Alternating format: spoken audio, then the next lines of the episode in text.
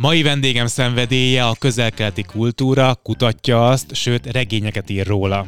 Milyen az iszlám nőképe, hogyan nevelik a férfiakat, és milyen bűnöket követnek el annak érdekében, hogy kijátszák a tradíciókat. Izgalmas, de egyben felkavaró beszélgetés következik. Itt van velem Úr Izabel, engem Lakatos Leventének hívnak, ez a Levente klubja, azonnal kezdünk.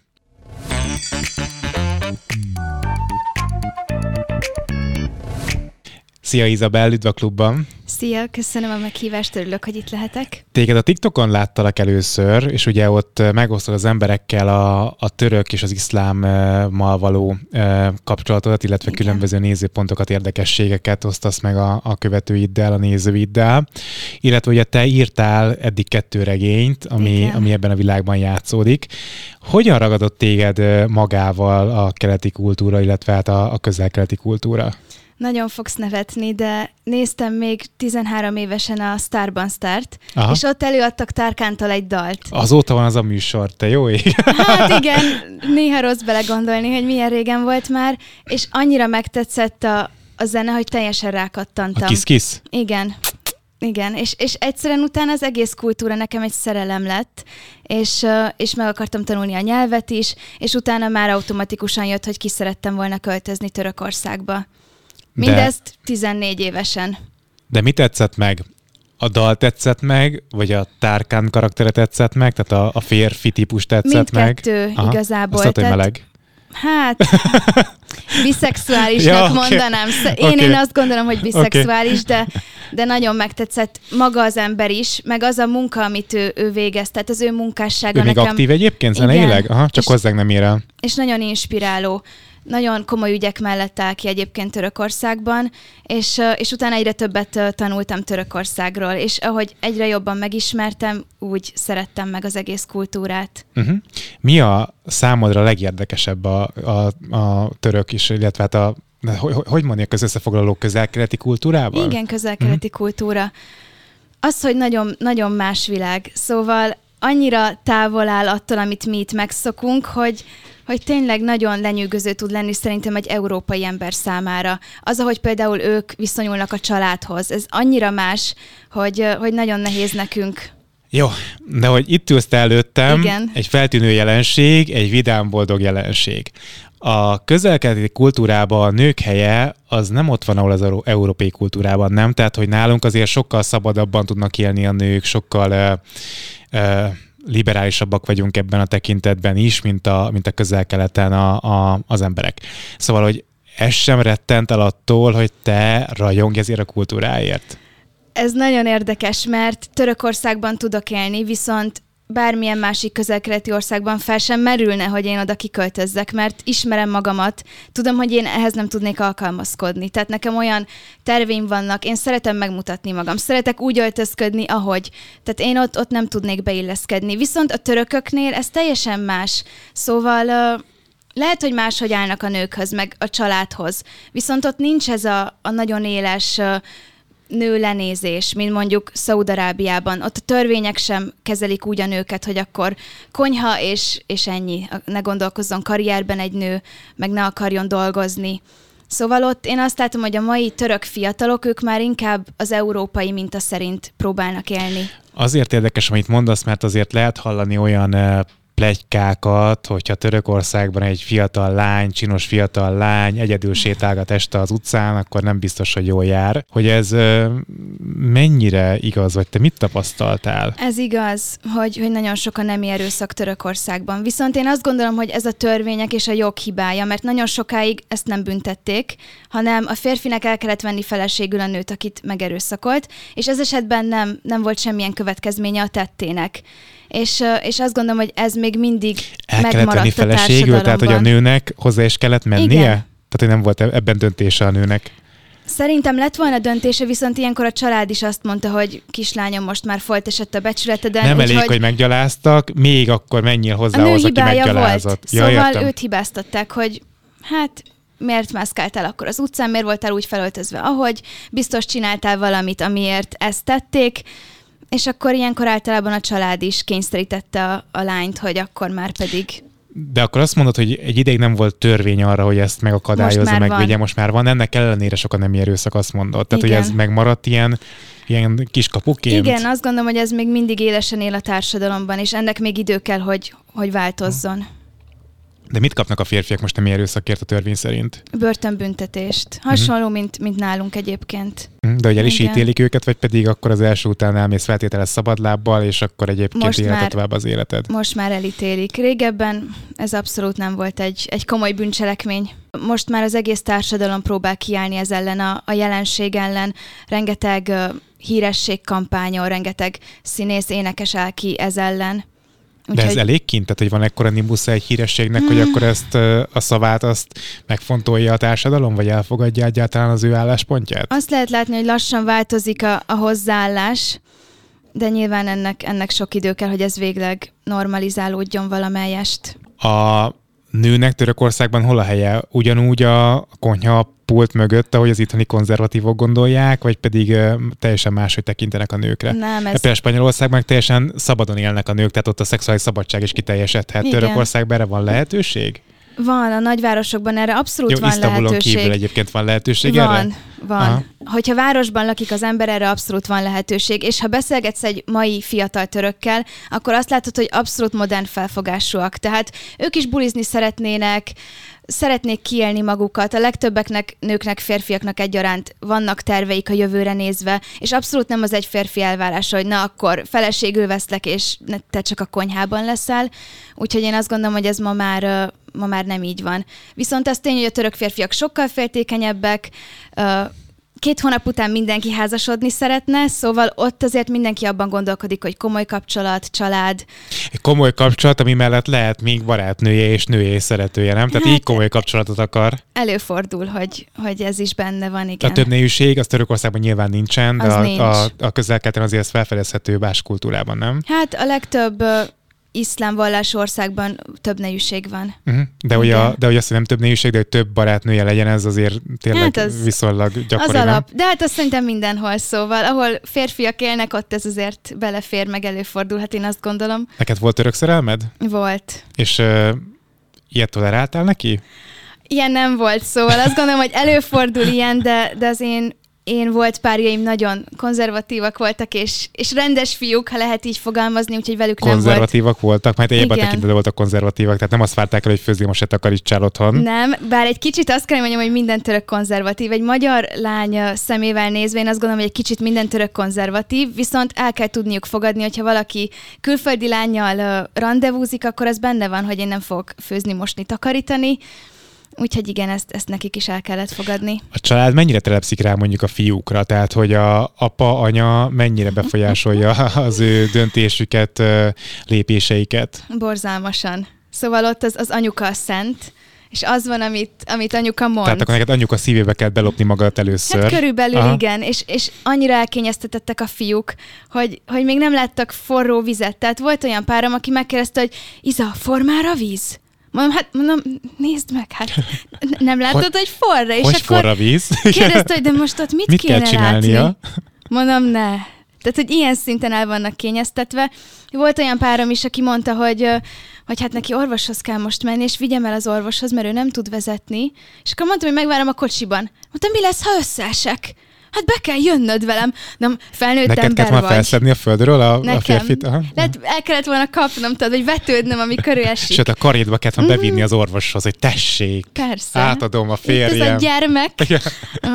De ő így képzelte el, igen. Szóval olyan szinten el vannak kényeztetve, hogy képtelenek az önellátásra, jó, nem mindenki gondolom. Nem mindenki, de a mai fiatal generáció, én azt látom, hogy, hogy így vannak nevelve, hogy a kis szultán, aki megszületett a családba, a fiú trónörökös, és akkor minden jóval elhalmozzák, és hát ez később visszaüt de várjál, nyilván. ez nem csak, a, nem csak a, az elit közegben van így, tehát hogy ez a, a hétköznapi szinteken is így van? Igen.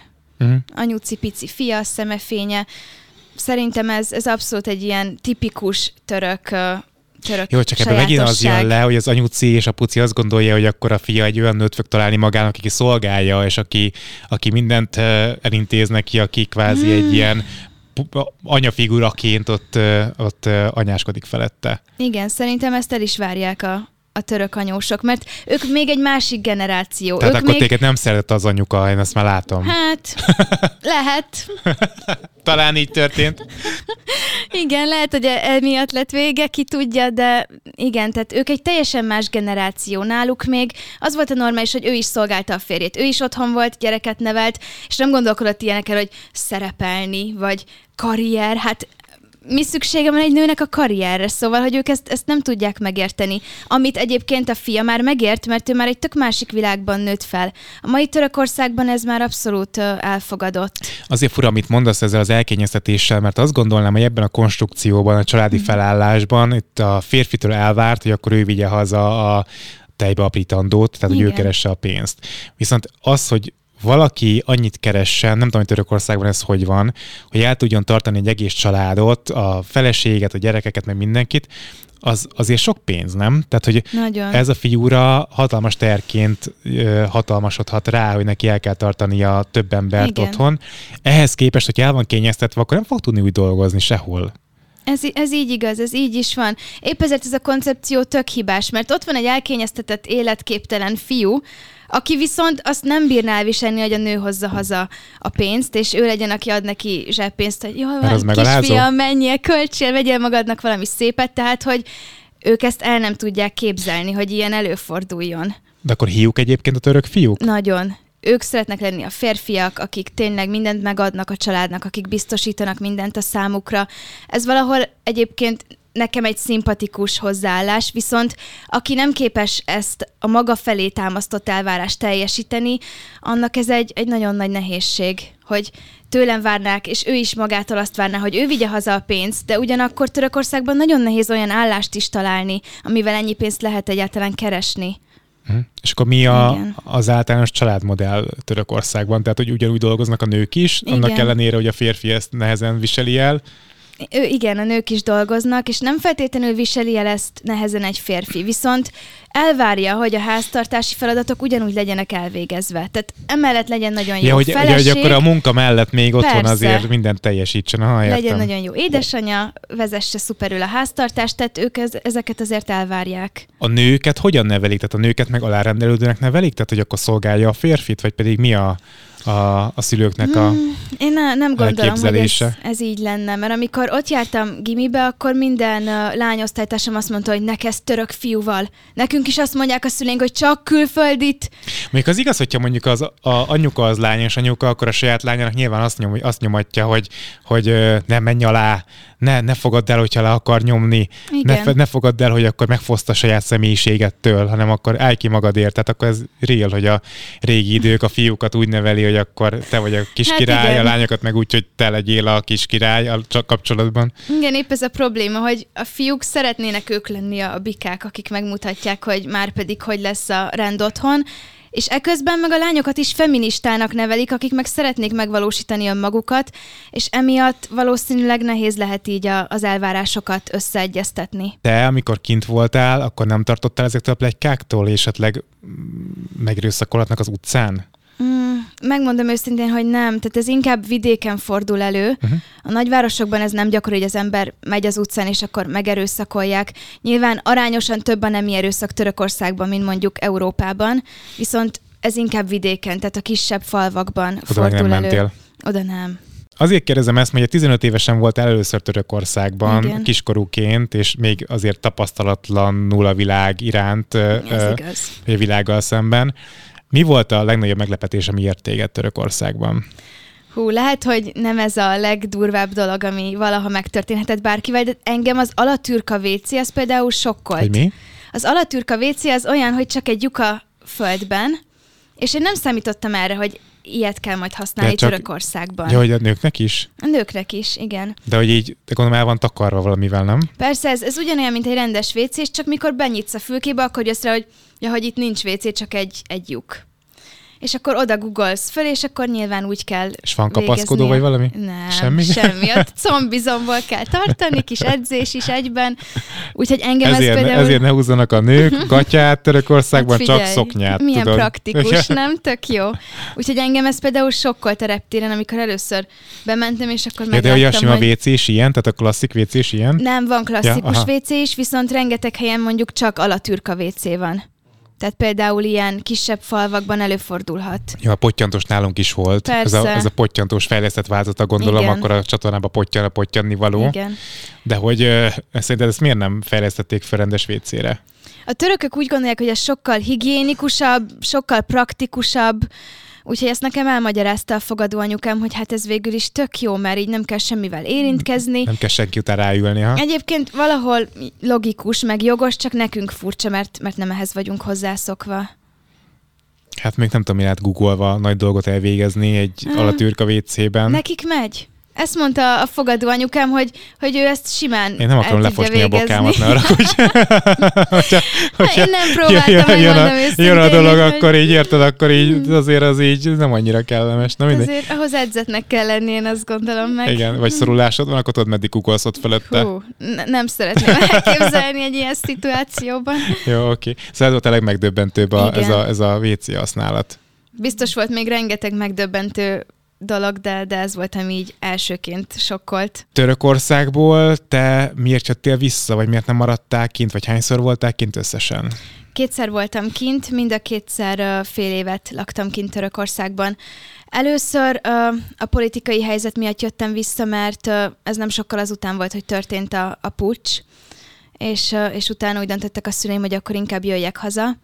Most pedig a karrierem miatt jöttem haza, mert, mert tényleg szeretnék inkább erre koncentrálni, itthon lenni, építeni magamat, úgyhogy ezt helyeztem most prioritásba. Mi a mai fiatal török, vagy pedig közel-keleti, mondjuk azt nem lehet akkor egy, egy, egy, halomba venni, de hogy mi a magyar, magyar, a mai török fiatalok legnagyobb problémája szerinted?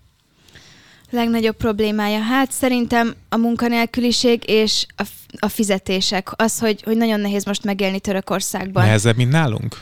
Nehezebb, én azt gondolom. Az árak majdnem közel azonos szinten vannak, viszont a fizetések sokkal alacsonyabbak. Tehát olyan mértékű kint az infláció, hogy egyszerűen nem tudják már megvenni az alapvető élelmiszereket. Nagyon rossz most kint nekik elhelyezkedni, vagy, vagy tényleg akármilyen munkát vállalni, és azzal eltartani egy családot például. Oké, okay, a egzisztenciális problémákon kívül milyen olyan hatások vannak, amik őket mondjuk a, a mai életben hátráltathatják? Én azt gondolom, hogy a politika az, az kint nagyon rossz. Nagyon egy nagyon zárt gondolkodású kormányban most foglalkoznak vele az emberek a politikával? Abszolút. Tehát, hogy, hogy aktívak politikailag? Abszolút, nagyon. Ez egy nagyon kapitális kérdés, és mindenkit foglalkoztat ez a téma. Ugye nem sokára választások jönnek, és mindenképpen szeretnék leváltani a jelenlegi hatalmat, de hát erre nem sok esélyt látunk, ha szabad így fogalmazni. Úgyhogy nagyon-nagyon rossz a jelenlegi vezetés. Például a melegeket nagyon utálják, szóval ott nem annyira vállalják fel a másságukat az emberek. Ez miért van szerinted? Maga a régi idők beidegződése és a régi modellek követése miatt van ez a fajta ilyen homofóbia, vagy pedig mi az oka? Egyrészt ez is, hogy ugye a régi, vallásos, idősebb generációk ezt egyáltalán nem fogadják el. Másrészt a politika is azt sugalja, hogy ez egy üldözendő, undorító, jelenség, és emiatt az emberek nem szívesen vállalják fel, mert olyan hangulatkeltés van ellenük, hogy, hogy nem merik ezt bevállalni. De mondjuk a, most beszéltünk a tárkánról a legelején, aki Igen. mondom, hogy tudom, hogy ő meleg, de aztán hát biszexuális, vagy még azt se vállalja fel? Hát nem, ő abszolút heteroszexuálisnak vallja magát. Tök úgy emlékeztem, hogy volt egy coming útja. Nem, viszont Most kerültek... Autoltattam a tárkánt, Jézusom. Nem volt coming outja, viszont kerültek ki róla mesztelen képek, ahogy a tengerparton ült egy, egy másik férfival. És ezt hát a... nudista random bármi megtörténhet. Hát de fogták egymás kezét, ja. és, és elég egyértelmű volt a szituáció, és ezt egy költöztető cég találta meg a holmiai között, amikor... Egy ilyen privát fotók voltak Igen, ráadásul. ezek privát fotók voltak, és megjelentek a médiában, és ő ezt természetesen tagadta, tehát nem vállalta fel, hogy ő biszexuális vagy uh-huh. meleg. De őt támadták-e miatt? Tehát, hogy ő támadták. akkor kapott el, elég kemény hideget. Aha. Igen. De gondolom volt, aki pártolta is az ő... ő... Hmm. Nem? Hát maximum azok, akik nagyon ilyen elvakult tárkán hívek voltak, és a munkásságát Tehát nincs is meleg szerették. közösség Törökországban? Tehát, hogy nincs egy meleg bár, ahová tudnak menni szórakozni a fiatalok, mert azt megtámadják, vagy mi? Nagyon sok meleg van Törökországban is nyilvánvalóan, és van, aki felvállalja, de teljesen más az ottani hozzáállás ehhez, mint mondjuk nálunk. Uh-huh. És erről szerintem a politika tehet főként. A szexuális szabadság az mennyire jellemző? Tehát, hogy mondjuk a, a nők tudnak nyíltan beszélni a szexuális igényeikről, vágyaikról? Hát attól függ, hogy kivel így barátnőkkel nem annyira jellemző. Hát Maximum most úgy, az ember hogy a, a közéletben például van erről téma? Nem ehhez ők, ők túl konzervatívak, tehát nem állnak ki a, a magánéletükkel, nem életükkel a nyilvánosság elé. Ez egy abszolút tabu téma. De például van ilyen kozmopolitán, ahol adnak uh, szextanácsokat a lányoknak? Tehát, hogy ilyenfajta fórum azért van? Az mindegy, hogy azok milyen tanácsok, de hogy van erre lehetőség. Tehát, hogy, hogy nem olyan nyíltan, mint ahogy itt Magyarországon mi elképzelünk egy ilyen magazint.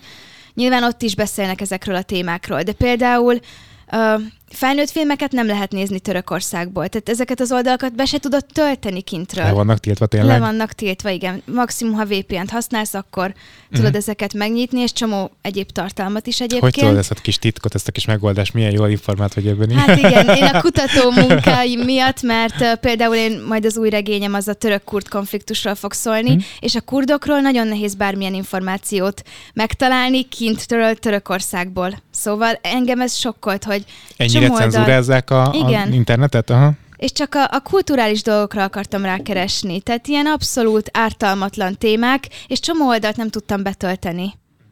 És, és ez is például ledöbbentett. Te gondolom beszélgettél korodbeli fiatal lányokkal, Igen. nem tudom mennyire jött szóba az intim életük.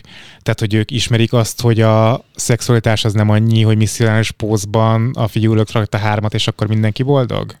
Törökországban kettő csoport van a nők, nőkből, én, én azt gondolom. Vannak a fejkendős nők, és vannak, akik miniszoknya, kitesszük, ami van, és csak bulizunk, iszunk, és, és megteszünk mindent, amit akarunk. És azt gondolom, hogy, hogy nyilván tisztában vannak ezzel, viszont barátnők között nem beszélik meg ezt a témát.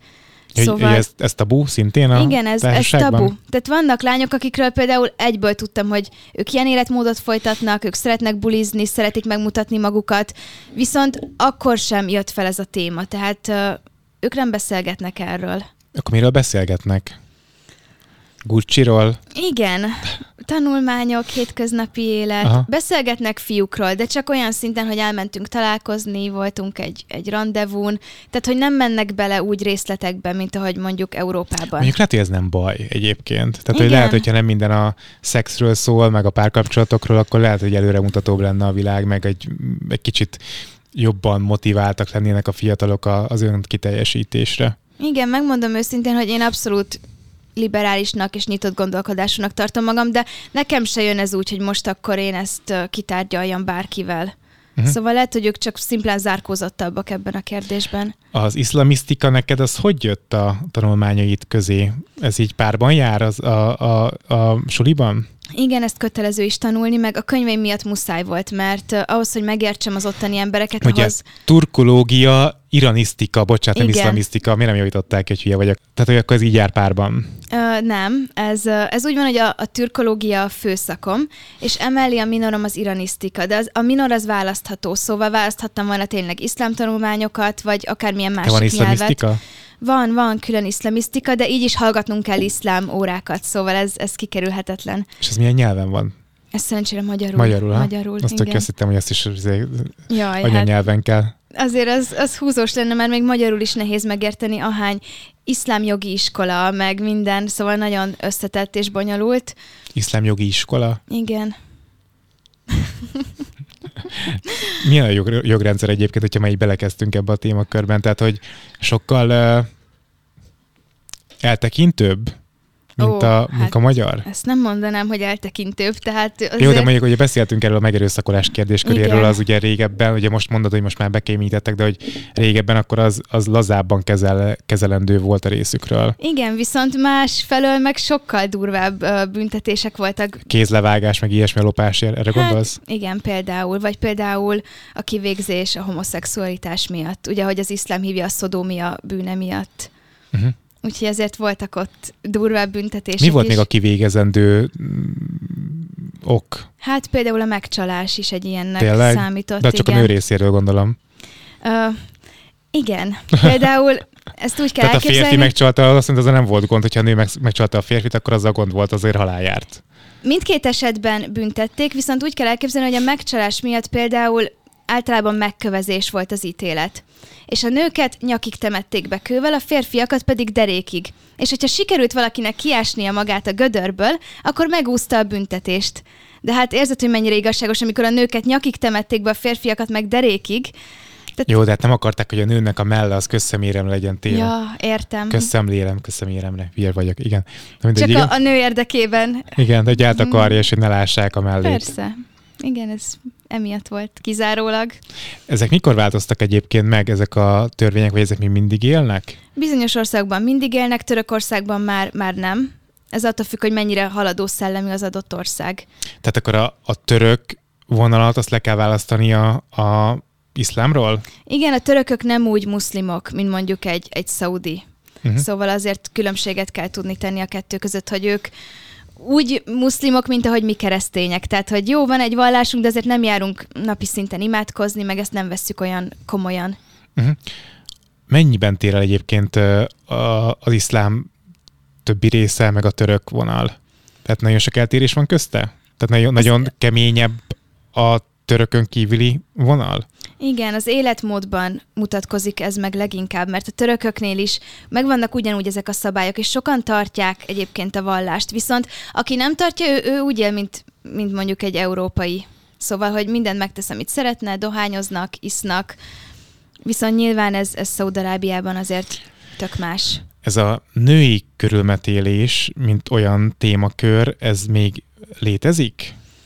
Uh, Hát a közel-keleten nem igazán, szóval például Törökországban, Iránban ez, ez nem létezik már. Ezt így hívják, ugye? Igen. Ja, tehát jól, jól fogalmaztam, igen, mert igen. Ilyen, elgondolkoztam magamon, hogy a női körülmetélés, lehet, hogy hülyeséget beszélek, nem, de akkor nem. ezt így hívják. Igen.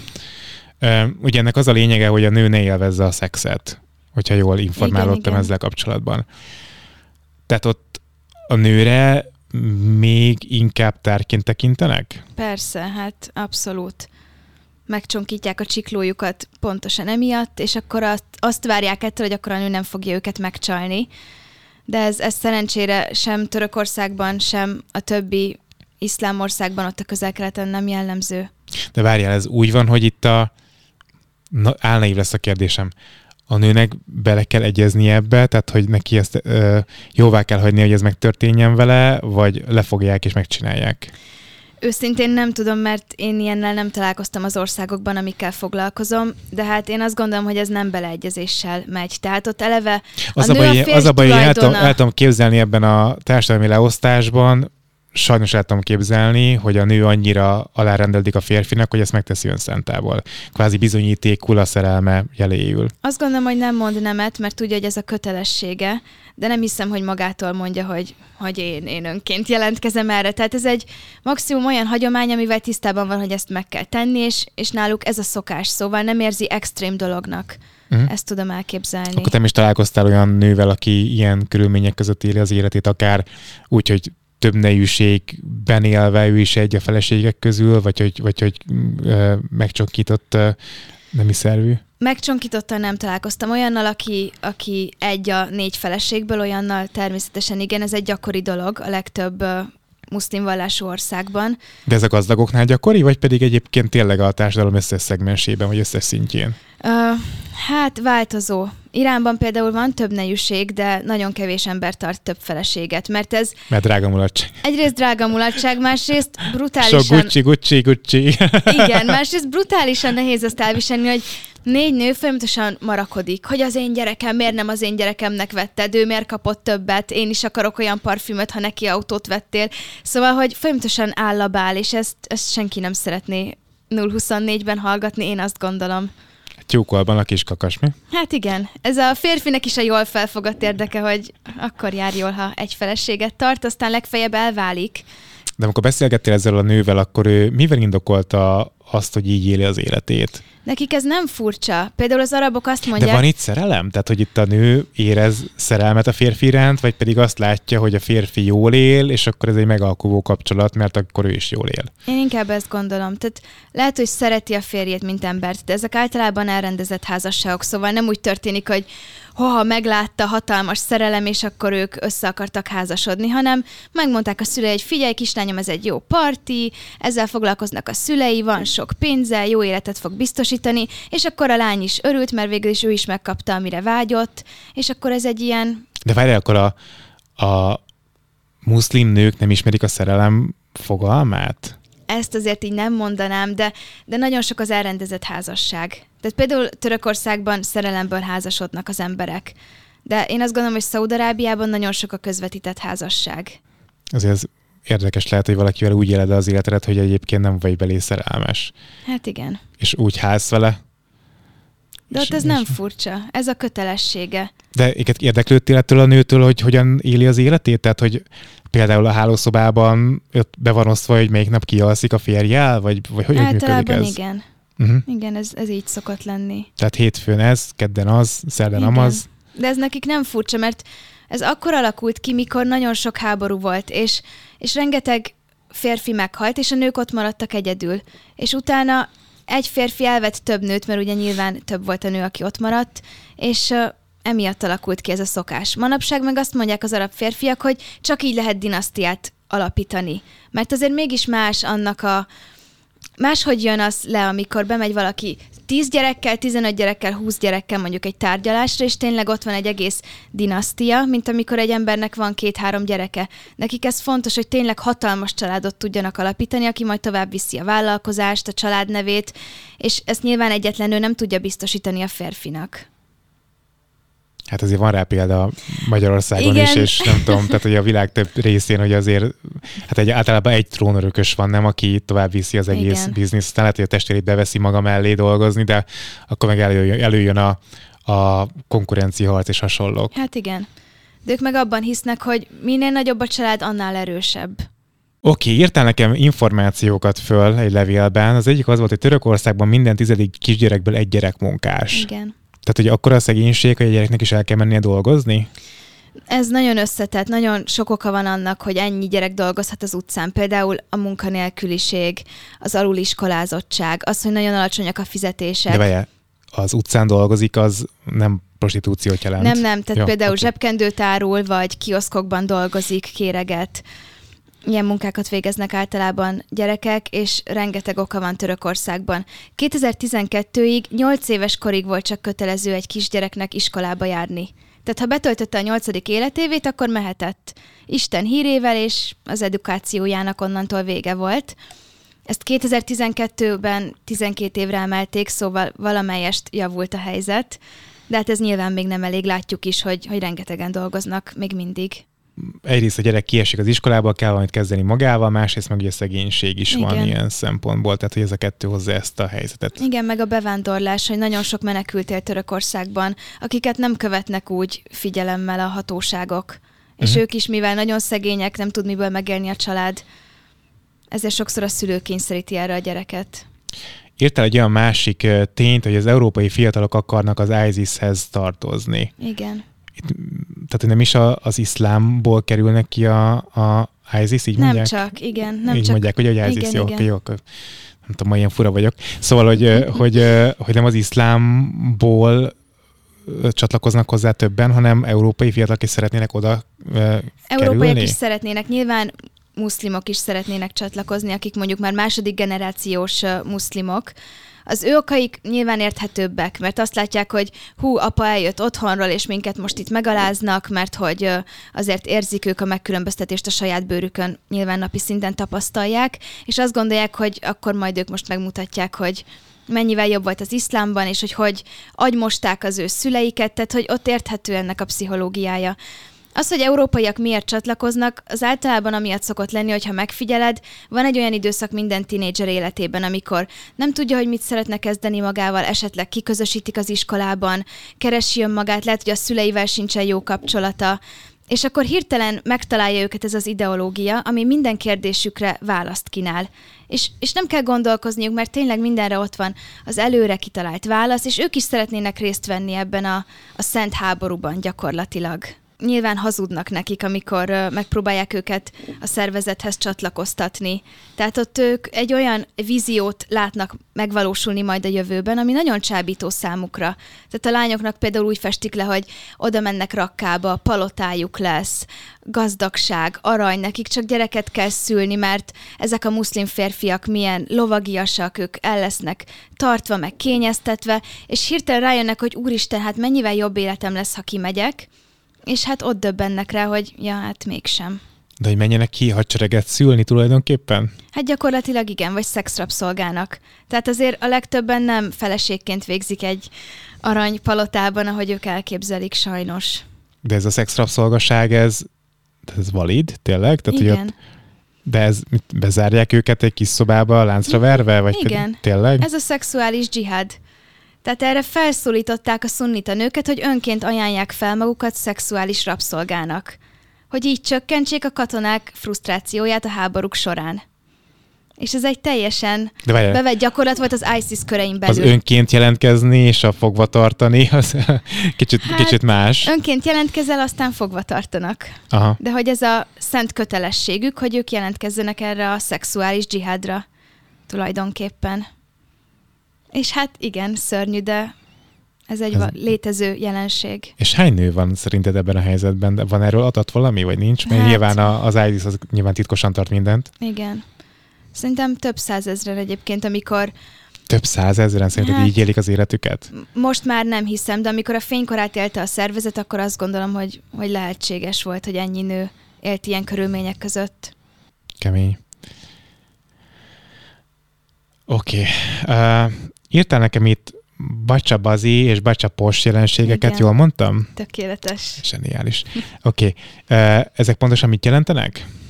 A bacsabazi az egy perzsa kifejezés, a bacsa azt jelenti, hogy gyerek. A balzikárdan az pedig játszani. Tehát ez egy ilyen playboy jelentéssel bír gyakorlatilag ez a szó összetétel. És ez arról szól, hogy befolyásos gazdag férfiak magukhoz vesznek 10 és 18 év közötti fiatal fiúkat, akiknek női ruhában és minkben kell táncolniuk a férfiak számára tartott partikon. És utána általában mennek szobára is ezekkel a férfiakkal, hogy utána ezeknek a rangos katonáknak tegyenek a kedvükre. De ez mennyire elterjedt? Ez Afganisztánban sajnos eléggé elterjedt. Tényleg? Igen. Tehát még a homoszexualitást üldözik és Igen. kivégzés jár érte szodomia vágyával, addig ez a fajta bacsa, bazi vonal, ez teljesen elfogadottként ér, ér, ér. A talibán most már üldözi, de Aha. ugyanúgy él ez a jelenség, tehát uh, rengetegen tartanak ilyen kisfiúkat otthon, és ők ezt úgy indokolják, képzeld el, hogy ők nem szerelmesek beléjük, tehát ez nem számít bűnnek. Ők nem követik el a szodómia bűnét, mert hogy ez nem szerelem. De a szodómia csak a szerelemre vonatkozik, nem a szexualitásra? Hát én azt gondolom, hogy azért a szexualitásra is vonatkozik, de ők ezt így magyarázzák. Uh-huh. Elég érdekes, igen. De akkor ezt büntetik? Ezt büntetik, viszont hát a társadalom nagyon nagy százaléka még mindig tart otthon becsebazit. Tart otthon, tehát hogy ez egy ilyen, igen. egy ilyen kis luxus kellékként ezeket igen, a fiúkat, igen. és a feleség, mert mindenki ezt tudja, és ott asszisztál ehhez? Szerintem igen, szerintem ezzel a feleségek is tisztában vannak. Tehát ott lakik a házban, ez, ez nem egy olyan eltitkolható valami. Úgyhogy igen. Például olvastam egy 15 éves fiúnak a, a nyilatkozatát, neki az apja nagyon korán meghalt, és ezért kellett elmennie ilyen munkát vállalni, és például az együttlétekért két dollárnyi fizetséget kapott, és kapott még mellé rist. Tehát, hogy ilyen szinten honorálják ezt a munkát. Uh-huh. Igen. És aki szállt belőle, vagy pedig ő még aktívan csinálta, amikor erről nyilatkozott? Valószínűleg szerintem már abba hagyta egyébként, mert ő már kiöregedett. Tehát amikor elkezd... 15 évesen? Igen, amikor elkezd felhegyzeni a szakálluk, vagy már úgy férfiasodnak külsőleg, akkor, akkor ott már nem Ja, akkor már nem elég nőies, aha, értem. Akkor már nem. Igen. Ő és a bacsapos, az, az a jelenség gyakorlatilag arról szól, hogy ha nem születik fiútód egy családba, akkor kinevezik az egyik lánygyermeket, akinek levágják a haját, fiú nevet kap, és utána ő fog fiúként élni. Igen. Tehát, ő hogy lesz ő, a de várjál, tehát, hogy neki a, az identitása is férfinek kell, hogy legyen, tehát úgy kell viselkedni, mint egy férfi? Nem feltétlen kell úgy viselkedni, mint egy férfi, viszont kinyílik számára a világ, tehát iskolába járhat, sportolhat, elkísérheti a hugait olyan helyekre, ahol nem de ez mehetnének. egy alapvetően lánynak ez nem megadatott? Tehát ez nincs lehetősége egy lánynak? Ja, nem. De ez alapvetően... Nem sportolhat, nem járt iskolába, meg semmi? Nem. Hát sajnos, főleg a talibán idejében, az, amikor a talibán volt először hatalmon, akkor nagyon-nagyon szigorúak voltak ezek a szabályok. Nem járhattak a lányok iskolába, nem mehettek ki az utcára férfi kísérő nélkül. Szóval ilyen szinten nem csinálhattak gyakorlatilag semmit azon kívül, hogy otthon elvégezték a háztartási munkákat. Hát ez igen. Szép. Tehát akkor ez a lány, ez azzal jut jobb pozícióba, hogy kvázi fiúsítják legalábbis külsőleg. Igen. És az úgy De akkor ez a, várj, várj, bocsánat, most, ez, most okay. ez, ez a lány, hogyha járhat iskolába és sportolt, akkor az mind fiúk között történik? Igen. Mert hogy egyébként nincs a lányoknak lehetősége, más lányoknak, tehát nincs lányiskola, Persze. meg ilyesmi, nem akkor becsöppen egy lányként fiúk közé? Igen. Ez, ez pontosan így történik, és ebben a periódusban ő tényleg úgy el, mint egy fiú. Szóval úgy is öltözködik, fiú nevet visel, és tényleg Álva mindenben... Pisil. Hmm, például, ha meg tudja oldani, akkor igen. Tehát, hogy, hogy tényleg férfias személyiségjegyeket fejleszt ki ezek alatt az évek alatt, mert ő tényleg úgy funkcionál, mint egy, egy teljes értékű férfi. Nyilván nem számít teljes értékű férfinek, tehát a tanárai tudják, hogy ő valójában lány, itt nem a megtévesztésről van szó. Nézem ezt a következő pontot, amit felírtál, de erről szerintem beszéltünk az iráni politika, és azt írott, hogy 70-es években nem volt meglepő, miniszoknyás lányokat látni. Igen. Hogy nem azt írod, hogy akkor régebben ez könnyebb volt? Igen. A salk idejében teljesen más volt Irán. Szóval megdöbbentő, de tényleg a városban azt lehetett látni, hogy abszolút normális volt, hogy lányok miniszoknyában sétálgathattak az utcán, kint tanultak nyilvánosan a parkokban. Teljesen más volt az élet, mert Mohamed Reza Pahlavi ő Atatürkhöz hasonlóan próbálta megreformálni az országot. Már az apja is elkezdte ezt a modernizációs... Tudod, semmit nem értek ebben, amit mondasz. Tehát bár itt mondhatnál, azt most elhinném, igen. Szóval Mohamed Reza Pahlavi volt az utolsó sah Iránban. Aha. És az ő apja kezdte el ezt a modernizációs politikát. Egy Kemal Atatürkhöz hasonló reformot akart bevezetni, és például megtiltotta a nőknek a kendőviselést, a nők szavazati jogot kaptak, viszont iszonyatosan korrupt volt a rendszer, és az emberek elégedetlenek voltak. A császárok császárává koronáztatta magát meg a feleségét. Éhezett a népük, még mindig drága kövekkel kirakott ruhákban jártak meg. Tehát ilyen Marie Antoinette jellegű Aha. volt a pár.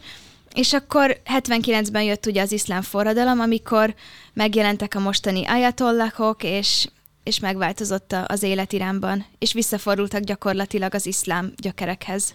Milyen fura, hogy egy visszafejlődés történet van előttünk, nem így a, a felszabadulás szempontjából, vagy hát így a, a női felszabadulás szempontjából. Tehát a nők nem szavazhatnak. De szavazhatnak. Tehát az, az, megmaradt. az megmaradt, viszont uh, például az erkölcsrendészet figyeli, hogy hogy van egy nő felöltözve. Tehát ha túl kihívó a sminked, akkor kaphatsz pénzbüntetést. Ha nem viseled a kendőt, akkor akár börtönbüntetést is kaphatsz. De, de ez hol van? Iránban? Iránban, igen. Törökországban ezzel szemben? Ezzel szemben szerencsére semmi ilyesmi nincs, nem kell kendőt hordani, nincs erkölcsrendészet, ott tényleg, ha úgy gondolom, hogy én miniszoknyában akarok kimenni, hát akkor egészségemre legfeljebb néhányan utánam kiabálnak, hogy mégis mit képzelek, de hogy azon kívül semmilyen bántódásom de mi a szabálya a kendő használatnak, meg hogyan is hívják? Mert azt tudom, hogy van a burka, igen. De hogy ezen kívül van a csador. Ők hijabot, hijabot hordanak Iránban. Hijab, aha. Igen. De az mibe különbözik, mint a többi? Az gyakorlatilag csak egy kendő, amit ilyen felváról feldobnak a, a hajukra. Annyi a szabály, hogy a haj 80%-át kötelező eltakarni. Tehát azért az iráni nők szeretik megmutatni a hajukat, amennyire lehet ők feszegetik a határokat, viszont abszolút fedetlen fejjel nem lehet kimenni az utcára. De ennek mi az oka? Ne legyen, ne legyen csábítás? Vagy... Hát például. Meg ez is az elnyomás egy eszköze. Szóval ott olyan szintű diktatúra van, hogy minden ilyen eszközt megragadnak. Uh-huh. Minden lehetőséget Igen. arra, hogy akkor ezt így az alá, alárendeltséget éreztessék. Hát, ha megnézed a politikusok lányait, ők mind Amerikában tanulnak, és modellkednek, és miniszoknyában, meg világra szóló esküvőket tartanak, és senkinek nincs ezzel problémája. Hát veszkintről nem látják valószínűleg. A vallási vezetőnek a le, gyerekei. Le, le, le van tiltva az elérés ezeknek az oldalaknak valószínűleg, hát nem? persze, de felháborító, szóval ők maguk sem a vallás miatt csinálják, csak hogy kontrollálják az embereket. Uh-huh. Te ehhez a, a burkini vonalhoz mit szólsz? Nem tudom, én nem ítélem el, hogyha valaki ezt érzi normálisnak, akkor én azt gondolom, hogy hagyni kell, hogy, hogy hordja, de azt tudni kell, hogy aki burkinit hord, az már eleve egy haladóbb szellemű muszlim nő. Tehát azért egy nagyon régi vágású, nagyon uh, zárt gondolkodású muszlim nő soha nem venne fel egy burkinit, és nem menne el fürdeni. Tehát ők inkább ülnének kint burkában, csadorban, mindegy a, a vízpart uh-huh. mellett.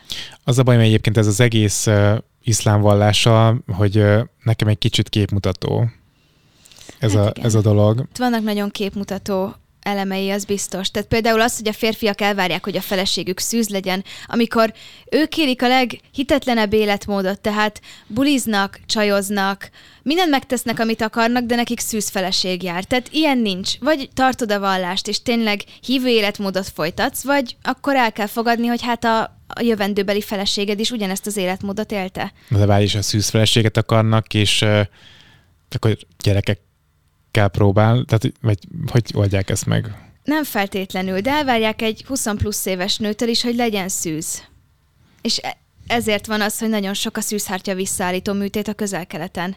Mert a nők meg szeretnék teljesíteni ezt is, meg akarnak felelni ennek az elvárásnak, de hát a mai világban lehetetlen. Hát, hogyha valaki úgy él tényleg kendő alatt és, és rejtve a testét, akkor lehet, hogy azért ő olyan hozzáállással él az életét, hogy az ne legyen lehetetlen. Persze, vannak nyilván olyanok is, akiknek nem kell szűzhártya visszaállító műtéthez folyamodni, viszont nagyon sok lány azért megy ebbe bele, mert tudja, hogy a leendő férje ezt elvárja. Uh-huh.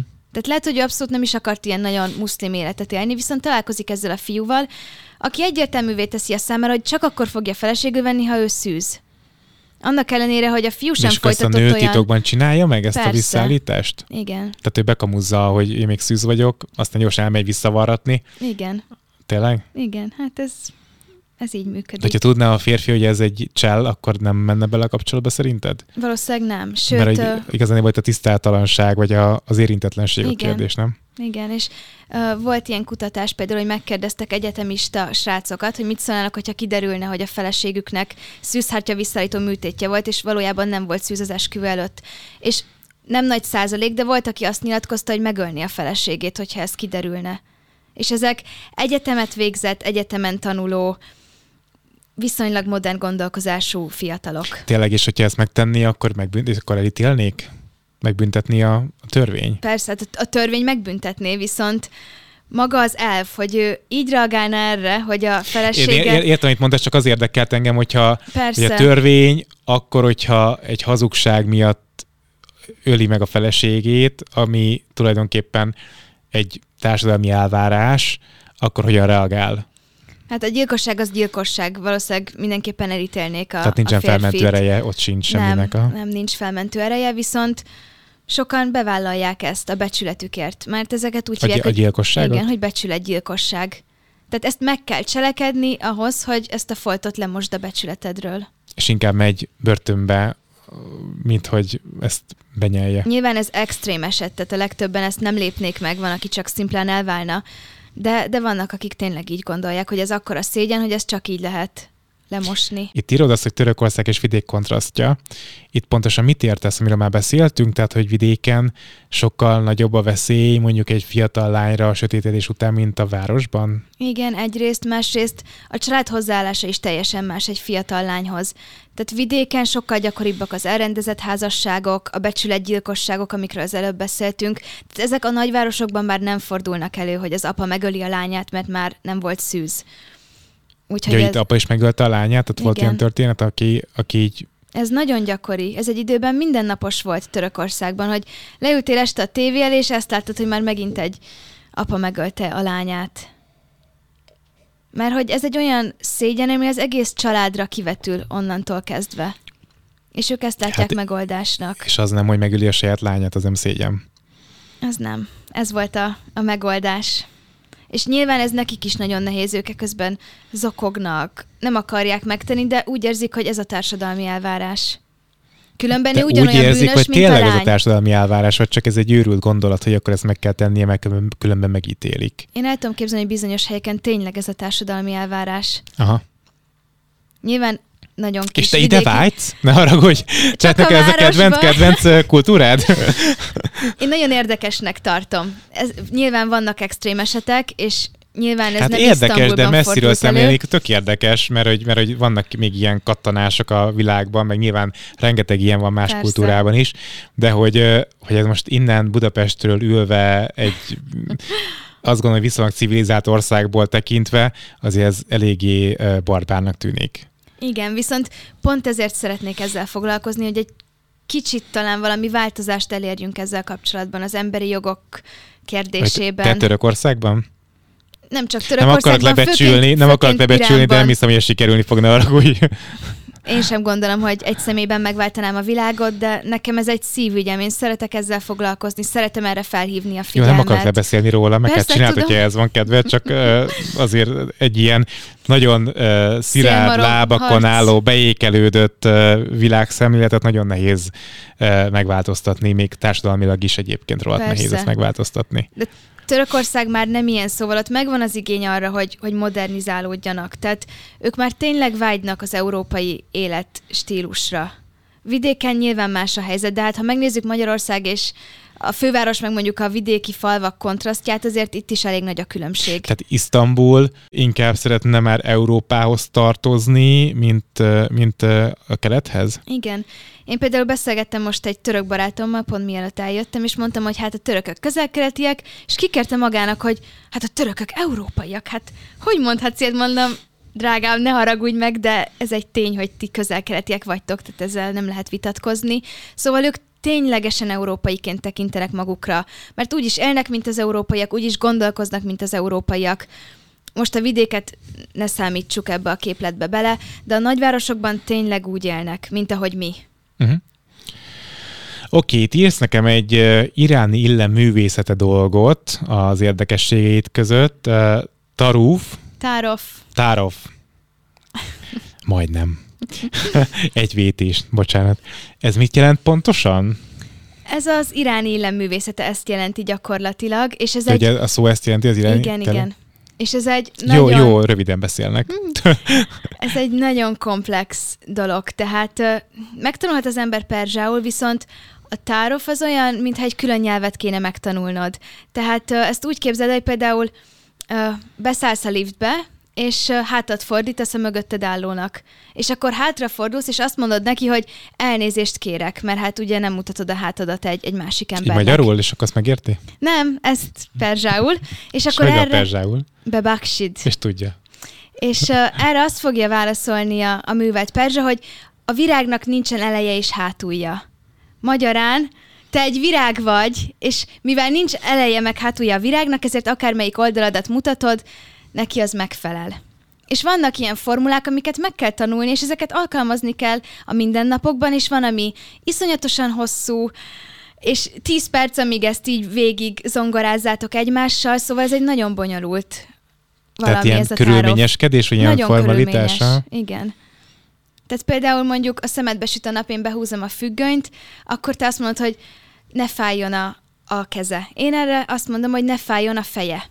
Tehát, hogy vannak ilyen formulák, amik kicsit ilyen furcsának hangzanak magyarként, de náluk ezek abszolút normálisak. És ezt és... tudja mindenki ezeket a fordulatokat, meg ezeket a kis Igen. szójátékokat? Igen, és képzeld, hogy ha perzsául beszélsz, és nem használod ezeket, akkor megjegyzik, hogy ha, nem tud perzsául. Mert hogy akármennyire beszélsz jól, ha nem tudod a tárofot, akkor ők úgy kezdik, hogy hó, hát azért annyira jól mégsem tud. És a bocsánat, ráírtam a lábára, arra mi a válasz? Fú, nem tudom. Ezért én nem vagyok ekkora tárov szakértő, de hogy, hogy a legtöbb ilyen helyzetre van valami bevált formula. Zseniális. De itt te azt említed, hogy a, hogy a szolgáltatások igénybevétele után legtöbbször felajánlják, hogy nem kell érte fizetni. Igen, ez, ez halálos. Tehát például elvisz a taxi A-ból B-be, te fizetnél, és akkor mondja a taxisofőr, hogy nem, ez ingyen volt. És akkor meg kell győznöm, hogy mégis Igen, akarok fizetni? hogy hát nem, hát ez nem úgy van, hát elhozott, hát nagyon fáradozott a kedvemért, itt a pénz, ő nem, és akkor ezt még eljátszhatok kétszer-háromszor, amíg úgy nem dönt a taxisofőr, És azt mondja, oké, okay, köszi, és elmegyek, akkor, akkor mi történik? Akkor utánad. Tényleg? Hogy jó, hát azért ki fog fizetni, tehát hogy Zseniális. ebbe sokan beleszaladnak. De ugyanez a piacon, hogy például vásárolsz egy árustól külföldiként, és mondja, jaj, de jó, hát itt vagy az országban, magyarként, szeretjük a magyarokat, gyere át vacsorára hozzánk. És csomó turista belefutott már, hogy jaj, de rendes, tök jó, hát hova menjünk, hánykor? És ott kapott sokkot az ember, hogy úristen, hát ezt ő nem komolyan mondta, ezeket nem szabad elfogadni, Aha. ez csak egy, egy udvariassági gesztus. Írsz itt a plastikai műtétekről, ugye azt írtad, egyrészt a szűzhártya visszaállító Igen. műtétet említetted a, a, a érdekesség listádban, de írod azt is, hogy, a, hogy Irán a szépészeti beavatkozások kapcsán is élen jár. Igen. Miért? Azért, mert Iránban ez is egyfajta lázadás. Tehát mióta bevezették az új öltözködési szabályokat, azóta a nőnek az arca lett a, a hangsúlyos része megjelenésében. Nyilván mindenki erre próbál fókuszálni. Iránban nagyon sok nyugati uh, hírhez, TV adáshoz, filmekhez férnek hozzá. És, és emiatt nekik az európai nők arca lett a szépségideál, és mindenki úgy akar kinézni, mint az európai nők. De ugye az irániaknak azért teljesen más az orruk, sokkal karakteresebb, és, és mindenki ilyen kis fitos, felfelé kunkorodó orrot szeretne, és emiatt nagyon népszerűvé vált ez a beavatkozás ők a tökéletességre törekszenek. Tehát lehet, hogy megpróbálják, hogy, hogy európaias legyen az orruk, aztán olyan lesz, amilyenre meg lehetett csinálni, és ahogy sikerült. És lehet, hogy leesik. Hát, a sokadik műtét után akár ez is benne van, de ez egyébként náluk státuszszimbólum. Tehát az orr? Az orr műtét, meg mindenféle plastikai műtét. Tehát megérkezel de, de ezek, ezek nem azok a nők, akik utána felveszik a kendőt, meg a... De. Igen? Igen, ezek pont azok a nők. Tehát megérkezel Iránba, és azt látod, hogy tízezer leragasztott orrú nő szaladgál melletted, és nem is érted, hogy úristen, mi történt itt, viszont csomóan nem is estek át plastikai beavatkozáson, csak felteszik ezt a tapaszt, hogy úgy tűnjön, hogy ők megengedhetik maguknak, hogy átessenek ilyen beavatkozáson. Mert ez olyan, mintha mondjuk Magyarországon valaki egy Rolex órát hord. Hogy ez egy, egy státuszszimbólum, hogy azt lássák, hogy te megengedheted magadnak. És ők azt Zseniális. is szokták mondani, hogy aki igényes, az megműteti magát. Tehát ha nem műtetted meg az orrodat, és még ha nem is annyira csúnya, akkor is egy igénytelen bunkó vagy, aki nem adsz magadra. És a melműtét? Persze, mindenféle plastikai műtétet végeznek. A 80-as évek óta már, már bármilyen műtétet el lehet végezni Iránban is. És van a, azoknak a beöltözött nőknek műfenekük is például? Hát én el tudom képzelni, szerintem biztos. Az iráni nők nagyon uh, modernek, szóval tényleg nagyon bevállalósak, Azért hordják a kendőt, mert kötelező. Tehát nem azért, mert ők annyira hívők, vagy mert annyira... De kapnak büntetés, hogyha nem hordják konkrétan? Kapnak. Tehát, hogy a Börtönt rendőr... például. Igen, Tényleg? Igen. Hát ugye most voltak ezek a tüntetés sorozatok, hogy a rendőrség megölte Max Száminit, azért, mert nem viselte megfelelő módon a fejkendőjét. Tehát, hogy azért ott vannak túlkapások. Úgyhogy mindenki jobban jár, hogyha rendesen felköti azt a kendőt. De turistaként is kell egyébként? Turistaként is Tényleg? kell, igen, kell. De jó, hogy nem vagyok nő. Ilyenkor mindig örülök. Hát igen, de azért a férfiakra is vonatkoznak szabályok. De mi? Mit kell csinálni, hogy Iránba akarok menni? Hát például rövid nadrágot nem vehetsz fel, hát akármilyen Azt megoldom, mert nem szeretem én se. Nyilván De akkor ilyen tunikába kell járnom, vagy hogy hívják ezt a férfi? Nem, nem, nem, nem? kell kandurát hordani meg. Kandura. Igen. Kandura. Nagyon jó, igen. Az araboknál így hívják kandurának, de ők nem hordanak ilyesmit. Szerencsére. Oké, okay, tehát hogyha ezek a nők nem hordják a burkát, hijab. hijabot, ezt, ezt a szót ezt mindig elfelejtem, hogy hijab, akkor uh, akár börtönbe is kerülhetnek. Igen. Gondolom, hogyha visszaesők, nem? Hát nem feltétlenül. Tehát első alkalommal is kerülhetsz börtönbe. Attól függ, hogy... Ez ilyen szerencselottó? Hát általában igen. Szóval ott azért minden benne van a pakliban. Attól függ, hogy mennyire volt nagy a vétked. Szóval például, hogyha ki van lakkozva a körmöd, akkor tudsz ilyen csekket kapni, hogy 10 darab lakkozott köröm, és per darab ennyit kell fizetni. Tehát, ha csak három körmöd van kilakkozva, akkor még jobban jársz, mintha mind a tíz. De vannak lázadók, akik ezzel ellen lázadnak Persze. Meg? Vannak Tehát a feminista rengetegen. mozgalmak azok megjelennek elég erőteljesen? Lázadnak, meg voltak olyan kezdeményezések, hogy férfiak is feltették a kendőt, így posztoltak képet a közösségi médiában. Tehát szóval... akkor a, a férfiak is a nők mellett vannak, hogy mondjuk Igen. ez legyen elhagyható? Igen, a férfiak is utálják ezt a rendszert. Az irániak talán azt mondanám, hogy még modernebbek, mint a törökök. Csak ők nem tehetik meg az ország vezetése miatt. De hogy ők abszolút... Van olyan iráni ismerősöm, aki még modernebb, mint én. Szóval, hogy több minden belefér neki így a normál értékrendjében, mint mondjuk nekem. Hát jó, de hát aki elnyomás alatt él, annak egy idő után több belefér, hiszen ki akarja Persze. magát tombolni, meg ki akarja magát élni. Valószínűleg igen. Tehát azért a határok azok kitolódnak ilyenkor szerintem. Meg nagyon meg akarják mutatni. Tehát, hogy az irániakról mindenki azt gondolja, hogy is, iszonyatosan begyöpösödöttek, régi módiak, vallásosak, és mikor ide jönnek Európába, meg akarják mutatni, hogy ők igenis modernek, igenis edukáltak, felvilágosultak. És végre levehetik a kendőt. Igen, és ilyenkor átesnek a ló túloldalára. Tehát volt olyan ismerősöm, aki azt mondta, hogy hát le lehet menni az alsógatjában a spárba mert hát ez Magyarország, ez itt Európa. És szóval, lement? Persze. Ki volt nyitva a fürdőköntese, és csak egy alsógatja volt rajta, mert hogy ez Európa. Hanem, hú, öcsém, te tudsz élni. Zseniális. Igen, úgyhogy ők itt teljesen kérik magukat. Oké, itt uh, utolsó, amit írtál, hogy uh, ideiglenes házasság a közel-keleten, avagy a prostitúció legalizálása. Igen. Mi az ideiglenes házasság? Az ideiglenes házasság lényege, hogy gyakorlatilag anélkül lépjen valaki intim kapcsolatba egy nővel, hogy bármilyen kötelezettséggel járjon ez az egész szituáció. Tehát megkötik ezt a szerződést, ez tarthat akár egy óráig, de több ez évre is szólhat. Mert például Iránban nem mehetsz szállodába egy nővel anélkül, hogy bemutatnátok a házassági anyakönyvi kivonatot. És a fehér házasságot, tehát amikor egy férfi meg egy nő él együtt házasság nélkül, azt ugyanúgy büntetik. Ja, ja hogy értem, tehát hogy azért házasodik össze azzal a nővel egy órára, hogy le tudjon vele feküdni a... Igen, igen, Aha, igen. értem. Ennek pontosan ez a lényege. És ez nem jár semmilyen kötelezettséggel. Ilyenkor megállapodnak egy összegben, amit a kapcsolat végén a férfinek ki kell fizetnie a nő részére, és gyakorlatilag ennyi. Ja, akkor tulajdonképpen a, a, a prostituáltnak a, az óradíja az a házassági fájdalomdíj. Hát körülbelül Vagy igen. a vállási fájdalomdíj. Igen, általában igen. és, ez, és ez szólhat tényleg egy órára, de akár több évre is. És a fehér házasság után nem örökölhet semmit egy, egy nő. Tehát, Tényleg? Igen, tehát semmilyen jog, joggal nem rendelkezik egy ilyen ideglenes házasság után. A fehér házasság, meg az ideglenes házasság is az az gyakorlatilag tényleg csak arról szól, hogy, hogy szexuális örömöket szerezzenek De a fehér házasság az nem a legális házasság, vagy a normális házasság? Nem úgy a érted? fehér házasság az azt jelenti, amikor egy férfi és egy nő házasság nélkül él együtt. De hogy ah. erről nincsen semmilyen papírjuk. Tehát az élettársi kapcsolat. Igen.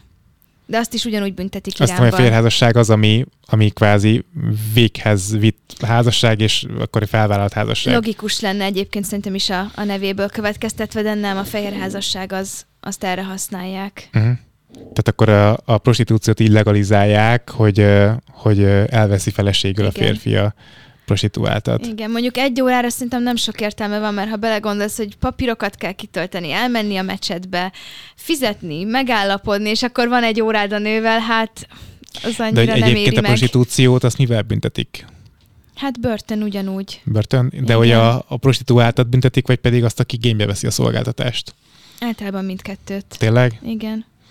Hát ez mindkét fél részéről egy, egy bűnös cselekedet. Uh-huh. Milyenek a, nem tudom, utána néztem női börtönök odakint? Hát, megmondom őszintén, hogy nem, nem néztem utána. utána. Hát ez egy jó téma, szerintem. Igen, de nem szeretném tudni, hogy milyenek ott a börtönök.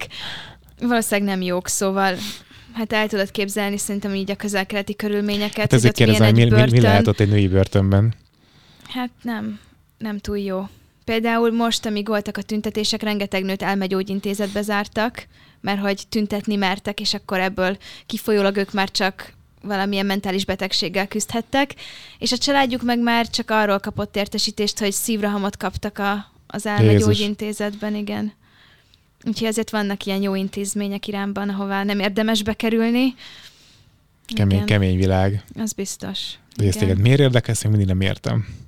Nem Amerika felé, nem? vagy Spanyolország felé, vagy nem tudom, valami, valami izgalmas, Ezt ilyen sokszínű hely felé. Hogy én már nem akar menni ilyen homokos helyre látogatni engem. Ő Amerikába akar jönni, meg Németországba. Hát De ez hát, az. Engem ez érdekel, és szerintem tök izgalmas. Nem akar már mondd, hogy nem. kebabot enni. Lehet. hát figyelj, érdekes, meg nem tudom, de hogy ott élni, meg ott ezt így kutatni, így hallgatni tök érdekes, tehát tök jöttek kutatót és elmeséled, de hogy én magam így beleme, belemélyedjek ebbe a témába, és kutassam, és oda költözök, és ott éljek, azt nem nagyon tudom elképzelni. Én mindig ezzel akartam foglalkozni, és mindig olyan munkát akartam, ami rejt magában valami veszélyt. Tehát én terepen akartam dolgozni, azt akartam, hogy lőjenek rám, hogy ott a katonákkal rohanjunk a felszerelésünkkel ja, te teljesen normális, azért azt tegyük hozzá. Ez valószínű. Azt hogy lőjenek rám. Lőtt, de, és lőttek rá? Nem. Hát na, az még, még kimaradt. Ilyen, ilyen élményem még nem volt, de aztán rájöttem, hogy egyébként nem vagyok ez a típusú csaj, aki ott a bakancsában a 30 kilós hátizsákkal rohan. Szóval ezeket most már csak könyvekben írom meg, de... Elkezdtél futni magas sarkuban edzeni, én hát tudom. igen, hát nem az hát, én világom, futni. sajnos ez a, ez a fajta terepen dolgozás, de hát kiélem így a, a kalandvágyamat. Oké, ugye a második regényed az a koronavírus kirobbanásának szereplőiről szól, tehát azokról Igen. a diákokról szól, akik, akik állítólag behozták Magyarországra a koronavírust, és az ő megítélésükről, az ő, ő, ő, ő nyomonkövetése történt. Ezek igen. tényleg azok a szereplők? Tehát igen. tényleg velük beszéltél, és velük, igen, velük igen. kontaktáltál? Igen. A főszereplő, ő volt a legjobb barátom, és uh, és én Tehát ő volt a nulladik beteg tulajdonképpen itthon? Igen, igen. Tényleg? Igen. És uh, mindenképpen tudtam, és szeretnék írni egy könyvet Iránról, mert már akkor is nagyon érdekelt az iráni kultúra, meg maga az ország is. És hónapok teltek el azután, hogy őket deportálták, és én gondolkodtam, hogy miről írjak, hát Hát miről, és akkor ezt jutott, hogy... őket kirakták az országból igen, a koronavírus fertőzés miatt tulajdonképpen? Igen. Azért, mert egy olyan média harag zúdult rájuk, ezt úgy képzeld el, hogy mindenki meg akart őket büntetni. Mert hogy muszlimok, irániak, eddig itt nem volt koronavírus, és gyakorlatilag a kormánynak ez az intézkedése olyan volt, hogy na tessék, muszlimvert ontottunk, itt van, megkaptátok a bűnösötöket, és akkor mindenki megnyugodhat és akkor olyan bűnöket kentek rájuk, amit soha életükben nem követtek el. Tehát azt képzeld el, hogy ők orvostan hallgatók voltak. Nyilván tudták, hogy kell viselkedni egy kórházban. Nem verték meg az ápolókat, nem törtek be ablakokat, semmi ilyesmiről szó nem volt. Ez később be is bizonyosodott egyébként, mikor már az emberi jogi bírósághoz fordultak. És, és ugye én mindenképpen Iránról szerettem De volna ezt kiállított, hogy ezt csinálták? Ezt a kórház, a hatóságok, gyakorlatilag mindenki és koncepciós perbe fogták őket, és így kollektíven kilettek utasítva az országból. De egy kórházban van biztonsági kamera, tehát őt lehet látni, hogy ott az emberek mit Igen, csinálnak. de semmi ilyen, ilyen bizonyíték nem volt. Mm. Úgyhogy uh, elég érdekes volt Nagyon maga misztikus volt, akkor maradjunk annyiban, igen. Igen. 30-szor módosították kb. a per iratait is, meg mindenféle ilyesmi történt. De hát később bebizonyosodott nyilván, hogy nekik volt igazuk, de erre ráment az életük, az itteni befektetéseik, a tanulmányaik, vissza kellett menniük egy olyan országba, ahol tombolt akkor a koronavírus, és hát még a politikai helyzet is ilyen volt, szóval gondolhatod, hogy mennyire örültek ennek a hmm. fordulatnak. Úgyhogy azt gondoltam, hogy azzal, hogy megírom ezt a történetet, egyrészt igazságot szolgáltatok nekik, másrészt talán egy kicsit érzékenyítem az embereket, hogy azért, mert valaki muszlim, meg iráni nem feltétlenül rossz ember, és ezért nem feltétlenül támad kórházi dolgozókra, Úgyhogy így ez volt a célom igazából ezzel a, a regényel. És a regény az igaz történet teljesen, vagy fikcióval kevert igaz történet, vagy hogy építetted fel a sztorit? Vannak benne fikciós elemek, de maga a cselekmény zöme az, az igaz történet. Tehát például az elején, amikor a deportálás megtörténik, az, az mind igaz történet. Ott vannak is részletek az eredeti vádiratból például. Uh-huh. Mi van most velük? Tehát, hogy ők tudtak új életet kezdeni visszatoloncolva a hazájukba? Tehát, hogy ők tudják folytatni a tanulmányaikat, orvosok lesznek, vagy mi a, a, az életüknek a jövőképe? Hát elég vegyes. A többségük már visszajött egyébként. Úgyhogy... De az ilyen ideiglenes deportálás volt, tehát nem ilyen végleges kitoloncolás az országból. Nem végleges, három évre kitiltották őket Magyarországról, meg a teljes Európai Unióból. Már három éve volt a koronavírus. Igen. Nekem mi? Igen, azóta eltelt három év, és most már így vissza tudtak jönni, de hát így is jelentős anyagi kár érte őket. Uh-huh. Tehát egy része visszajött, a maradék az pedig ott már alapított családot, és ott maradt, vagy mi? Szerintem igen. Nem tartottam mindenkivel a kapcsolatot, de az én ismerőseim, ők, ők már visszajöttek. Mi a következő projekt, amin dolgozol? Milyen regényen dolgozol? Most a kurd-török konfliktusról fogok írni, és a 60-as években fog indulni a regény, tehát nagyon komoly kutató munka lesz Mi mögötte. volt a 60-as évek kurd világában? Ez egy családtörténetét fogja felölelni, és emiatt kell nagyon a múltban indítani a, a sztorit de hát én még csak most végzem a kutatómunkát, szóval így a 60-as évek Törökországával nem voltam annyira tisztában, de most már könyvtárba járok, idegenvezetőkkel felvettem a kapcsolatot, török könyveket olvasok, szóval tényleg mindent elkövetek, hogy minél inkább képben legyek. De úgy kell elképzelni, hogy régen az volt például a kurdokhoz való hozzáállása a török kormánynak, hogy ilyen népcsoport, hogy kurd nem létezik. Ők is törökök, csak ők elfajzott törökök, akik valamilyen mentális betegséggel küzdenek, és ezért egy ilyen arab, berzsa, török szavakból álló halandzsát beszélnek tulajdonképpen. Ez Zseniális. volt a, a hivatalos verzió. És a kurdok zömében az ország keleti régióiban élnek, és emiatt semmilyen fejlesztés nem történt akkoriban a keleti régiókban, tehát nem voltak iskolák, nem volt rendes kórházi ellátás, szóval a kormány mindent elkövetett, hogy vágja a fát őket, igen. a kurdok alatt gyakorlatilag, igen. És akkor lesz egy szerelmi szál, vagy mi lesz? Igen. Egy kurd fiú és egy török lány. Hát szerintem ez alap, hogy legyen egy kis romantika is a, a regényben, de mindenképpen szeretném azt bemutatni, hogy egyik fejnek sincsen igaza, és hogy egy kicsikét mégis igazuk van. Tehát ebben a helyzetben nem lehet igazságot szolgáltatni, és ez gyakorlatilag egy meddőszélmalomharc. Tehát halnak meg az emberek már évtizedek óta, és még mindig nincs megoldása ennek, és nem is lesz. Tehát ez a fölösleges ellenségeskedés, ez, ez nem vezet semmi jóra. Mikor mondtam a török barátaimnak, hogy én erről fogok írni, akkor mondták, hogy kurdokról, és nem rosszakat fogsz mondani. Mondom, miért mondanék rosszakat? Mondom, ők is normális emberek. Ja, dehogy normális emberek, ezek terroristák. Mondom, na jó, mondom, te se szereted a kormány, de mondom, azért felülsz az ilyen propagandának. Nem, nem minden kurd terrorista, nem minden kurd rossz ember, tehát, hogy ezt szeretném bemutatni igazából. Izabel, köszönöm, hogy itt voltál, és ezeket megosztottad, érdekes világot kutatsz, azt kell, hogy mondjam. Kívánom, hogy a következő regény is jól sikerüljön, és egyre több olvasód legyen. Köszönöm. És hát kívánom, hogyha ki szeretnél oda menni, akkor eh, élni, akkor ezt megtehet, de apukáddal osztozom, inkább Ameriká felé hát az irány. Köszönöm szépen, hogy itt lehettem. Köszönöm, hogy itt voltál. Ha tetszett a beszélgetés, iratkozz fel a csatornára, nyomd rá a csengéikonra, hogy jelezzen, hogyha új videó érkezik. Nézd meg a korábbi beszélgetéseket, szólj hozzájuk, lájkold őket, és hogyha van kedved, kövess a különböző social media platformokon, például az Instagramon, vagy újabban a TikTokon is. Ez a műsor a Béton közösség tagja.